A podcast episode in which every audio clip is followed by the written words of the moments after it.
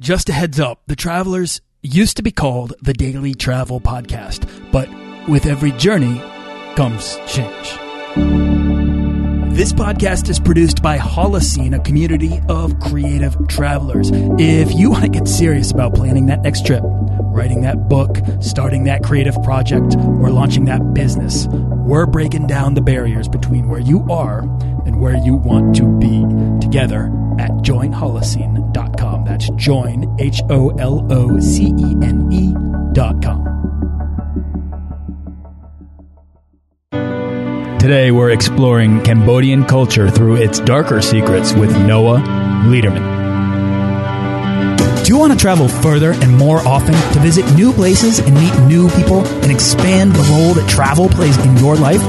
I'm your guide, Nathaniel Boyle, an explorer that wants to help you get out, see the world, and find meaningful, life changing experiences. Everyone wants to be adventurous and have great stories, to do the stuff of legend. This is the Daily Travel Podcast. Okay, before we get started, I need to share, uh, because I promised I would, some iTunes reviews with you that I uh, am loving. I'm loving them.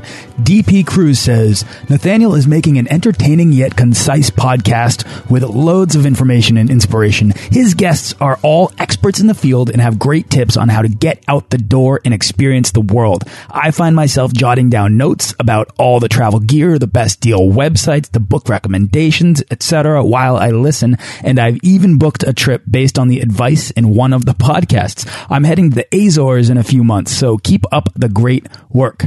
DP Cruz, thank you so much. I love to hear that. Uh, you know, I'm going to try to bring somebody on to talk about the Azores. There's a huge uh, Azorean uh, population in the place where I live, which is in Massachusetts, and maybe I can feature someone on there just for you. Thank you for the review. If you like the show and want to be featured on the Daily Travel Podcast, drop a review on iTunes, ask a question, share a travel story, or leave your best tip, and I'll be sure to share it on the show.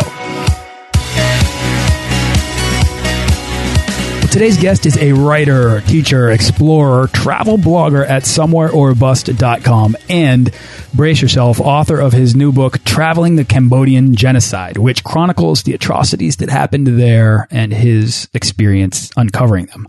Uh, Noah Lederman was the grandson of Holocaust survivors who, as you might imagine, and is often the case, were never keen to share their stories with those who have followed them in time. Uh, however, through his travels, he became more curious about these secrets and set out on a physical journey to uncover the truth. And this in turn led him to a life of travel and writing to explore some of humanity's darker truths and learn about himself and people and why stories matter in the process. So I'm really excited to kind of chew on a lot of this really meaty subject matter because Noah uh, is, is clearly in this world and he's uncovering a lot. And it's been a very interesting journey. So let's get into that. Uh, Noah Lederman, welcome to the Daily Travel Podcast. Thanks for having me. Awesome. Where are you right now? Uh, I'm in New York. And that's home because you, like me, just had a, a baby girl. That's right. Yeah. Congratulations. Thank uh, you, and to you as well. Thank you. So I shared a little bit about you, but I, you know, I want you to introduce yourself. Tell us who you are and how you got your start in travel. Like most people, I got my start in travel by uh, being introduced to it by my parents.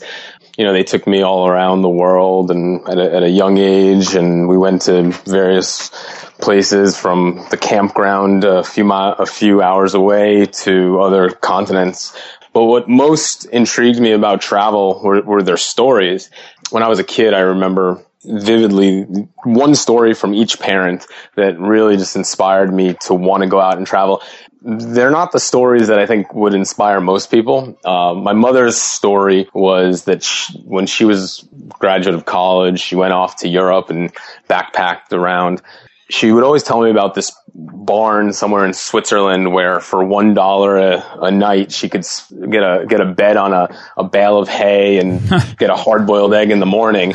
and my father, who is a little less adventurous, somehow wound up hitchhiking across the states. And um, well, actually, he was driving across the states. The first time he tried to hitchhike, he got picked up by the police and sent to jail in Colorado eventually my, my grandmother, who I'm sure, I guess we'll talk about after hearing your introduction, um, she she finagled uh, a way to get him out before the weekend came because the judge had already gone home. But um, yeah, so those two stories really hooked me. Uh, there was something in this, I guess, misadventure and this uh, sparse accommodations and and this egg, this hard boiled egg that, that just intrigued me about travel and I wanted to get out and explore the world for myself. Yeah, it's these small stories that happen, these things that happen to your parents that effectively they took home. Uh, I'm guessing that your, you know, your mother did not expect to find that barn when she found it, and it stuck with her now in time that because it, because it was this memorable experience for her. It was this unexpected story that happened to her. And your father hitchhiking, I mean, you never know who's going to pick you up. That leads to amazing stories almost every time you do it. Uh, I don't even know if there were other stories that they had told me when I was a, a kid, but these were the ones that just stuck in my memory. And I, I felt like each time I asked, this was the story that was brought up. So yeah, so this stuff kind of percolates in your mind, I find, which is really these legendary stories that your parents have, because this is like the you know these are this is their legend, and this is what they're telling you and passing on to you. That boils up, and then I guess right after college, you took a 15 month round the world trip. Yeah, I did. Um, I basically packed a backpack and a surfboard and just left. Went down to Central America and New Zealand and Australia, and then eventually uh, over to Europe surf the world. And at, a, at about the 12 month mark, I gave up the surfboard because a, a girlfriend was meeting me. And uh, after a couple of banking situations where she had had all of her funds wiped out. Whoa. We uh, we wound up in Eastern Europe because it was more affordable, and from there, this you know trip of adventure actually evolved into this trip to uncover my grandparents' histories because they, they were from Europe. So yeah, that was a pretty, uh, pretty powerful trip just to have the time, obviously, to travel the world and explore and surf these great waves. And then also to, um, have this opportunity to uncover a lot of these, uh, or, or not necessarily uncover the stories at that point, but give me the stepping stone into these stories because when I returned, I was able to uh, speak with my grandmother and access a lot of uh, her past. Right, right. All right. Before we get into that, though, like, um, all like right out of the gate, you you go on this trip. You've heard these stories from your parents, and you're out there kind of surfing the world, backpacking, um, doing the round the world thing, in which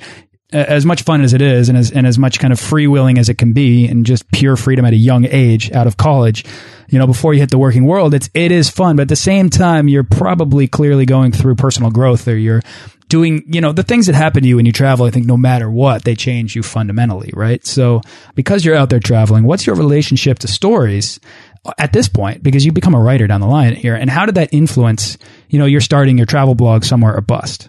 When I, when I started traveling, I wound up in a lot of uh, small fishing villages where really there's not much to do but surf. And when the sun sets, you kind of just retire to uh, your quarters, and you know there's not a lot of people around. All the fishermen and their families go to bed early because they got to wake up at crack of dawn or before that.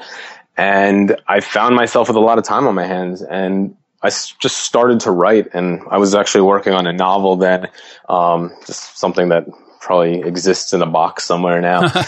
but uh, you know, that was really my introduction into into writing, and that was my my tutorial. That was my education in, in, in writing, and from there, just years and years passed, and I practiced the craft, and basically, I started a started a travel blog, and where I tell stories that trip really brought that out. Yeah. So, all right. So you, you've always had this sort of attraction to stories then from maybe from a very young age, but at least enough so that when you get out there and you have the freedom of time and the freedom to kind of explore who you are and how you respond to the rest of the world, you take up writing as a way to fill time and to kind of perfect or maybe not perfect, but at least to learn your craft. Yeah, absolutely. It was something it was something to do at first, like you said, just to fill some time. I guess inside you have this desire to tell a story or to answer a question that, uh, you know, exists somewhere in you.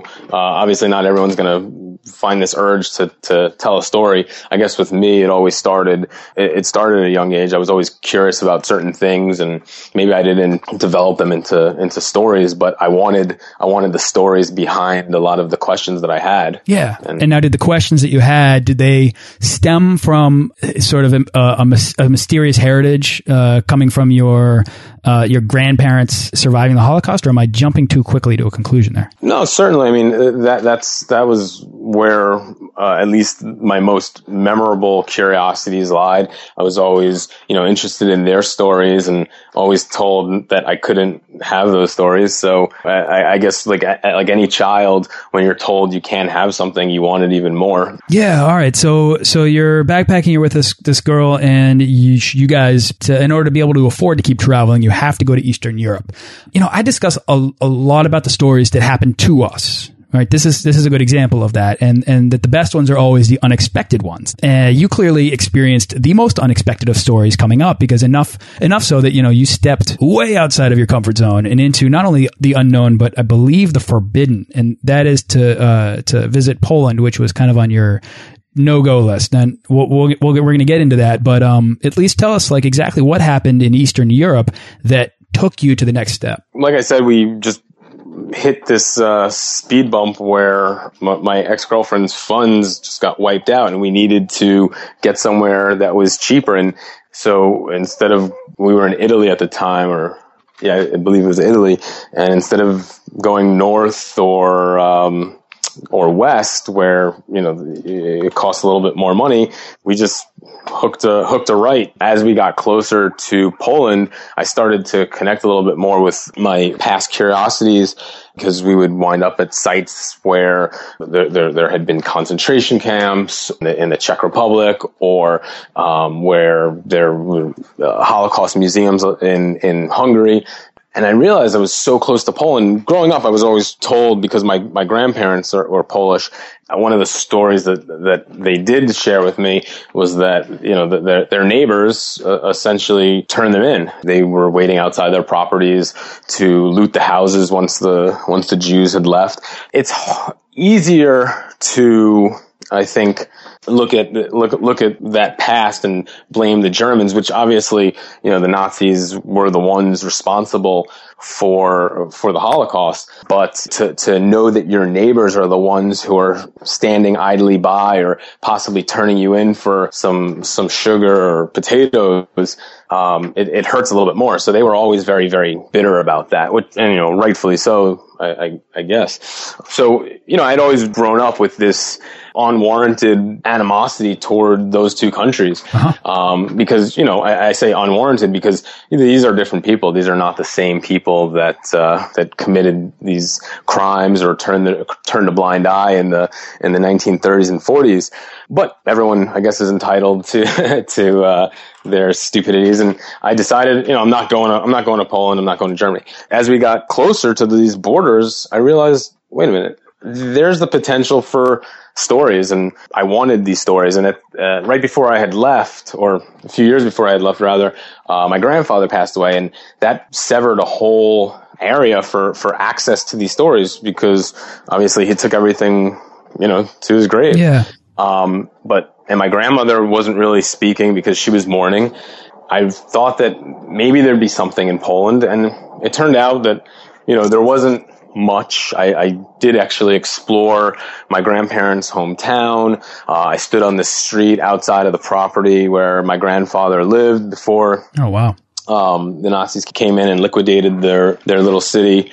But it wasn't until I returned home with uh, certain information, which served as a catalyst for uh, this forthcoming uh, information from my grandmother. She she basically some something as as tragic as this as this site called Umschlagplatz was actually this thing that brought a smile to her face when I told her I had been there because we we had established a connection, even though it was this, oh, this wow. terrible, yeah, even though it was this terrible place where all the Jews were were sent from the Warsaw Ghetto out into uh, out to the concentration camps, uh, and you know she had, uh, I would come to learn that she witnessed some terrible events at that exact site. It still lit something up in her, and I I don't know what the appropriate response would be for anyone, but for her, for her it was I have this I have uh, this connection with my grandson without ever having to expose him to this. He I, I, guess she thought that I had exposed myself to it on my own,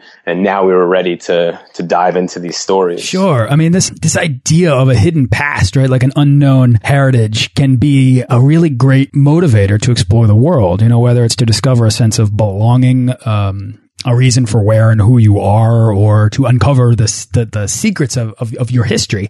You know, a history for you that had clearly um, been deliberately covered up so as not to expose you. Not, it sounds like that was about it. And it sounds like some of these, some of these questions might have been asked before, but never pursued to a point where a connection was made, right? And then, you know, your grandmother begins to, begins to share because you literally reached through time almost to say, you know, I was there, I was at this place and it mattered to you, right? And she was able to really respect your doing that. That's that's pretty powerful. So your grandmother begins to share because travel has made you curious enough to ask these very powerful, very loaded questions, right? So what changed here that made your family then more comfortable? Was it your was it your actually visiting this place or was it just your interest in combination with your sort of generational distance from the event? I think it was probably a combination of, of those things. So, for example, she had seen that I had traveled a great distance to better understand her past. So maybe she appreciated that or, or maybe it was just, maybe she was just tired of mourning for, for my grandfather. Um, maybe she wanted something that was cathartic and maybe the telling of these stories was just that. So I don't know what it was that in, inspired it, but you know, it was a journey well worth taking because, you know, it allowed uh, my grandmother and I to sit down o- over the next couple of years and really, I mean, explore whatever uh, stories that she felt comfortable sharing with me. And, you know, I think it was, so I came back in 04 and, and she died in 2010. So, uh, really it was six years of us sitting around her kitchen table and better understanding our, you know, our family's history. And, um, now I, I, I get to kind of rekindle these stories over and over again. I'm actually editing uh, that book that I'm working on about sitting down with my grandmother and getting to these stories. So each, each time I sit down and reread a chapter, it's um, beautiful way to reconnect with her and yeah. keep them alive. I love that. I mean, that answered my next question, which was what came out of it. You know, uh, what what was the creative output that came from that exploration? Not just the connection that you made, because obviously there was a difference in your life that's really cool. That's really amazing. Uh, but that you were actually uh, documenting this, and I figured you were because you're a writer. And I want to now take us to um, your you know your experiences in Cambodia and how you got started writing this book, um, traveling the Cambodian genocide. But before we jump to your book, take us there on your travels. When did you go to Cambodia? At what point was this? So my wife and I, we uh, decided that we wanted to just take a really extended honeymoon, and um, she had her, I guess, expectations of what a honeymoon would be. And, um, you know, we went to Southeast Asia and, you know, we, we, we definitely, I think, met those expectations in Bali. Um, Great but, place to do it. Yeah, it absolutely was. And, um, but, but my one little caveat was that we would take a little detour on our honeymoon into Cambodia because I'd always been interested in what had happened there in the 1970s. Um, and, and I, I was also doing a bit of writing and, and research on Cambodia at the time because I was working, uh, on a novel about an infant survivor of the Cambodian genocide. I kind of stick in that, in that, uh, realm. Interesting. So was your, was your curiosity, uh, did, was that like a natural, uh, derivation of, from your sort of experiences with the Holocaust?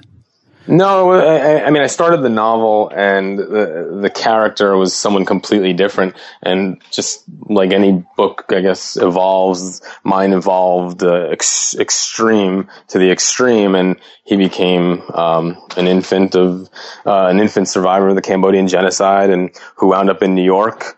Uh, and I, I don't know why, but that's what happened. Having uh, kind of explored that from through literature uh, and history, diverted my uh, my travels into Cambodia, and and from there, you know, I mean, my wife and I, would, even though it was it was maybe not at least the way that we traveled in Cambodia yeah. is not the most expected way that one uh, a couple would spend a good portion of their honeymoon. It was uh, to both of us, it was the most rewarding place we had visited, and um, we we both whenever people ask us where we, where they should go in Southeast Asia, I mean we both fall we both tell them we fell in love with Cambodia, and that's coming from someone who's a surfer who you know spent uh, a good chunk of time in Bali just riding huge great swell. So I mean, were you in Cambodia then? Just for the purpose of asking those questions? It sounds like you guys had kind of a. Uh, no, I mean, yeah, I, I, think doing that research, you would be remiss to go to Southeast Asia and skip over that country anyway. Uh, I mean, there's some great culture and history there that dates back you know, to ancient times and beautiful places. And, you know, it's a great place to get off the beaten path because Thailand is sort of not that anymore. And, um, and, you know, Vietnam is a bit hectic and Cambodia is just this nice, tranquil, uh, place where you can get out into the countryside and just enjoy life very cheaply. And it's beautiful there. Um, but, uh, no, no, the, the, the interactions we had with the, with the locals and the stories that evolved uh, that came from that were, were very organic and uh, obviously you know I, I, came armed with questions and I wanted answers but uh, I didn't know that I would wind up writing a book about the, the place. I was just kind of there doing my you know if anything uh, book related doing research for my novel which um, which uh, you know is is is not what came of this. Right, was, right yeah. Right. I think, well, I think it's really in interesting. I mean, creative expression can be sort of, um, I mean, it can be an unconscious thing. It can be a serendipitous thing. It can be something that, you know, is just a natural, uh, natural progression from a previous thing. Um, I think it's fascinating that, um, you know, you had a natural curiosity and understanding of genocide and you were already asking the questions of why it happens. Um, and it has so much to do with who you are today, right? How it affects survivors, your grandparents and their children or their kids.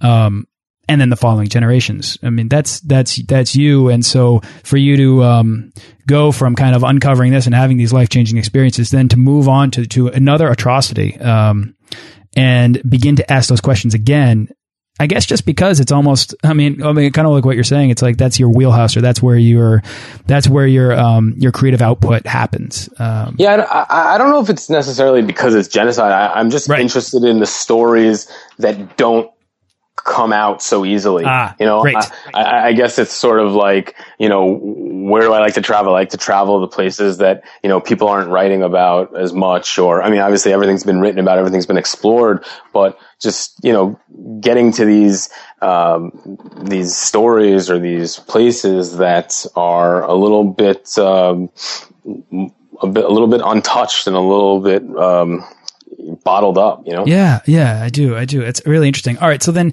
tell us about the book about uh, traveling the Cambodian genocide uh, and how that then came about from, um, specifically, how that then came about from your trip here. Yeah, well, um, basically, the book is it, it's it's a book about the people, and it's a it really examines how the these terrible events that took place under the Khmer Rouge, how they impacted uh, the survivors and how they now affect the next generation, so the the, the kids and the grandkids. Um, and you know, if you look at what had happened in Europe back in the 40s, um, I think it, it definitely had a strong impact on that next generation but a lot of the survivors left Europe. They came to America and this, I guess, you know, existing in a place that connects you to these these stories of atrocity that that that that connection is gone and it's in a way maybe a sense of relief but in Cambodia these um, survivors are living right next to a lot of the perpetrators because you know a lot of the Khmer Rouge were not um, held responsible for their actions. Even the, even the highest ranking uh, Khmer Rouge members, only a couple of them have even faced trial. Um, most of them are, you know, have, have, have been released because of age. These leaders were in uh, were in their 98 late 80s 90s when brought to trial. So you know the country really hasn't uh, taken responsibility for the past, and, and it's a, a, one of the reasons is because people in off people in government, uh, from the prime minister to some of his top secretaries, they they were involved. They were members of the Khmer Rouge, uh, whether you know they were high ranking or just uh, typical uh, soldiers. So you know, it's it's it's it's a country that is still trying to recover and hasn't, and um, I think that just that really sets a certain tone and a certain stage for uh, for growth, and it's it's it's it's harder there. Yeah. Well, can you explain, just for anybody listening that's not familiar with the Cambodian genocide, um, can you explain what happened and then an example of how that affected someone you met personally when you were there?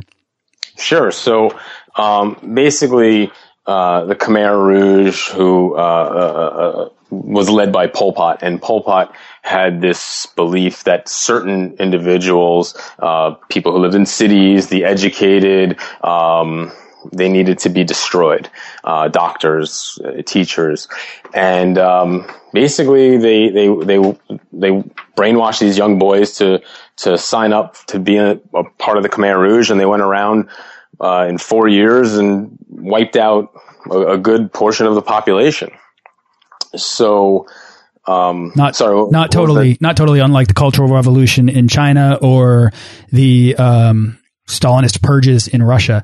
Um, my question was then, how did what happened with the Khmer Rouge under Pol Pot? How did that affect someone that you might have met personally when you were there? So, some some of the most interesting um, interactions I had were, was with the the younger kids um, because I was I was most interested in how these sorts of things are prevented in the future, and I think to prevent something like another genocide. Um, really, or, or even just a mass atrocity in general, uh, really requires education. And they don't really focus on that uh, in Cambodia because, like I had said, I think the people in charge don't want this to um, be brought up because they had some sort, they would have to claim some sort of responsibility for it. And you have a lot of kids who, for example, in um, in one of the really popular tourist towns, Siem Reap, uh, I ran into this one kid who was selling uh, his book on, uh, not his book, but selling a pirated book on the street, and it was about uh, a person who had survived the the genocide, and she wrote her memoir, and he he was telling me about the book, and I asked him, "Oh, so you, you learned about this in school?" I was kind of pleased, uh, and he told me no, they, they actually don't. He he only knew about the book because he took a little bit of time to read the back, and um, you know he he was selling this this book, but he had he had no one to ever teach him about this because they're really training the kids there, at least in this town, to know uh, more about Angkor Wat, which uh, and that whole temple complex, because that's the way that they're going to make money. Uh, by by maybe one day working as a tour guide to give tours about Angkor Wat, and the sad thing is, it's true because most tourists don't go to Cambodia um, to learn about the past. They they fill up buses to head into Angkor Wat and to see these temples from thousands of years ago. So uh, when I say they don't go to learn about the past, I mean the past uh, that occurred uh, 40, 40 years ago. Yeah, interesting. I mean, it's just another thing that's like not, I mean, not kind of almost looping us back to what you were saying before and having this history that it's not necessarily secret. It's not necessarily hidden. It's just not discussed. It's not something that people feel comfortable uh, sharing uh, and they would rather just forget, move on from. I know that I was in Nagasaki and I went to the Peace Museum there, and it had absolutely nothing to do with who was to blame. It had everything to do with making sure that that never happened again. Yeah. Um, what do well? So the Cambodian people were really a subject of fiction for you, you know, an interest to you until you got there and were affected by the the reality that you found. Um, did you did you fall in love with the culture when you were there? Yeah, I mean, I did, but I, I would have to add uh, what's left of it. You know, the, a lot of the culture was really wiped out. You know, it's it's one of the things that I noticed in Cambodia was that it was really hard to get good food. Um, but I, I mean, I had some great Indian food, but these were the, the recent immigrants to Cambodia. Um, it's, it's hard to find good food. And I think one of the reasons is a lot of the city folk were killed. And, you know, when you go to cities, you find great chefs and in, in those casualties were chefs. So, you know, just that's, um, a small example of how culture really gets destroyed. But besides that, yeah, I mean, the culture of, of the Cambodian people and this, and their, and their spirit is really just beautiful. Um, so it's sad that these things have been erased. Yeah. Well, what do you hope that your book then does for the people of Cambodia? Well, I'm actually um, working with uh, a nonprofit there. Uh, it's called uh, Safe Haven Cambodia Children's Trust, and I'm donating a third of all sales um, to to that organization, and they really do a good job helping um, helping children and helping keep families together because you have a lot of these um, orphanages in Cambodia that are really preying on kids. And uh, I mean, it's not all orphanages, but there's a good number of them, and they go around and they try to convince families that they, the kids will have would have a better life in the orphanage, and then they try to exploit these children by inviting Westerners to visit and help out. And, um, you know, so, so this, uh, this charity that, that I'm working with really, uh, focuses on trying to keep families together and provide educations and health, um, options for these kids. Uh, so that's, that's one way that I hope it in some small way it, it helps out the people.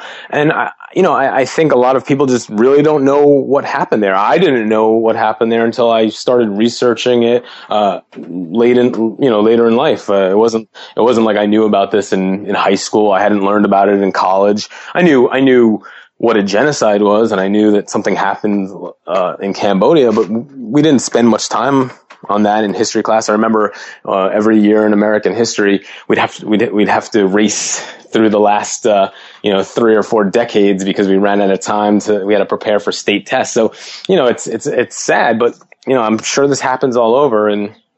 You know, uh, it, it's it's in some small way it provides a quick education. It's you know a sixty page book um, with with stories that connect you with the people. And, you know, it's, uh, I remember some, someone asked me if this was a, a, genocide tourism book. And it's not, you know, it's not to promote going to these sites. You know, it's not to say like you need to go to these sites to know what happened there. And I don't, I think that's not true at all. I mean, going to the sites, some sites is important, but I think just connecting with the people and understanding how this is affecting them today. You know, there's, um, you know, the, the, the, prime minister, he's been in power for, um, almost three decades and he cannot be stopped. You know, the, the opposition party there is trying to find ways to get him out and they're being attacked on the streets. So it's, it's, it's something that continues. And it's not that he is, you know, was the most vicious Khmer Rouge member, but it's this same sort of, um, you know, dictatorship in a way yeah. that exists because of, uh, you know, the, the, the history. Yeah. You know, no, my best stories are my proudest possessions, you know, and, and you have collected some extremely powerful ones from around the world, uh, but in, especially in particular here in your book about Cambodia. And, you know, I'm thrilled you came on here just to sort of, explain the genesis of this this collection of stories and the motivation behind why it matters and you know why you're really driving uh, each one of them home. Uh, so I you know I want to encourage anybody that's curious to just pick up your book uh, so that they can get a greater understanding. That's why I asked you to explain you know what happened there because you're right, not a lot of people happen there, and they think Cambodia. Okay, well I want to go see Angkor Wat, you know, and that they can be really you know oh I'll just swing through Cambodia to to see that and then I'm out but there's a lot of complexity there that's going on that if you go into, you can learn a lot from, pull out and get a greater sense of, you know, how this, uh, how this world works and how, you know, how, or, or at times does not work. Um, and you know, so anyways, that I think is, is, is really great. Is there anything else, Noah, that you'd like to share before we wrap up here? Um, well, no, I mean the, the the book is available at traveling the Cambo. Uh, you could go to Amazon and, and, type in "traveling the Cambodian genocide," or you could just head over to my my site somewhere or bust. Uh, and if and if you're not into uh, the the heavy macabre sort of subject that this is, uh, you could also uh, get my my more humorous ebook uh, on my site as well. So there you go. There's more to Noah than just the dark uh, genocide stories. Uh, but I thank you for coming on here and sharing them because I think it's really interesting, and uh, I wanted to bring that story to this audience. Um, Noah, where's your next trip, or what's your next project? I'm actually headed to Wales, uh, nice. London, and Sweden on Sunday.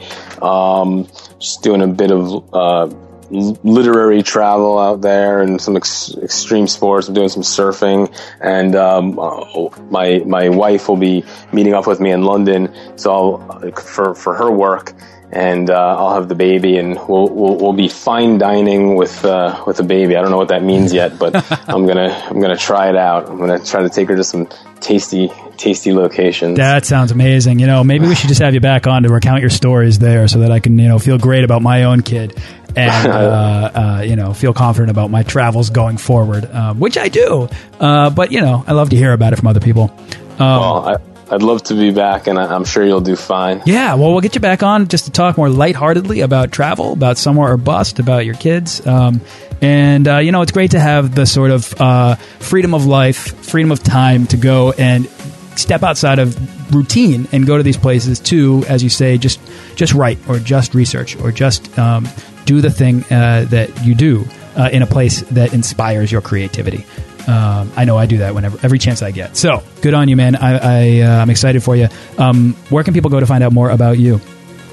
Um, somewhereorbust.com uh, would be would be the best spot, and you could take it from there. I'm on somewhere bust for Twitter, Facebook, Instagram, all all that. Perfect. All right, Noah, I really appreciate you coming on the show and sharing your story. Well, thanks for having me. Thanks for listening to this episode of the Daily Travel Podcast. For show notes and links to everything in this episode and more, head on over to dailytravelpodcast.com. Join our Facebook page of explorers and subscribe to our newsletter for the best deals and resources to help make your next trip life changing.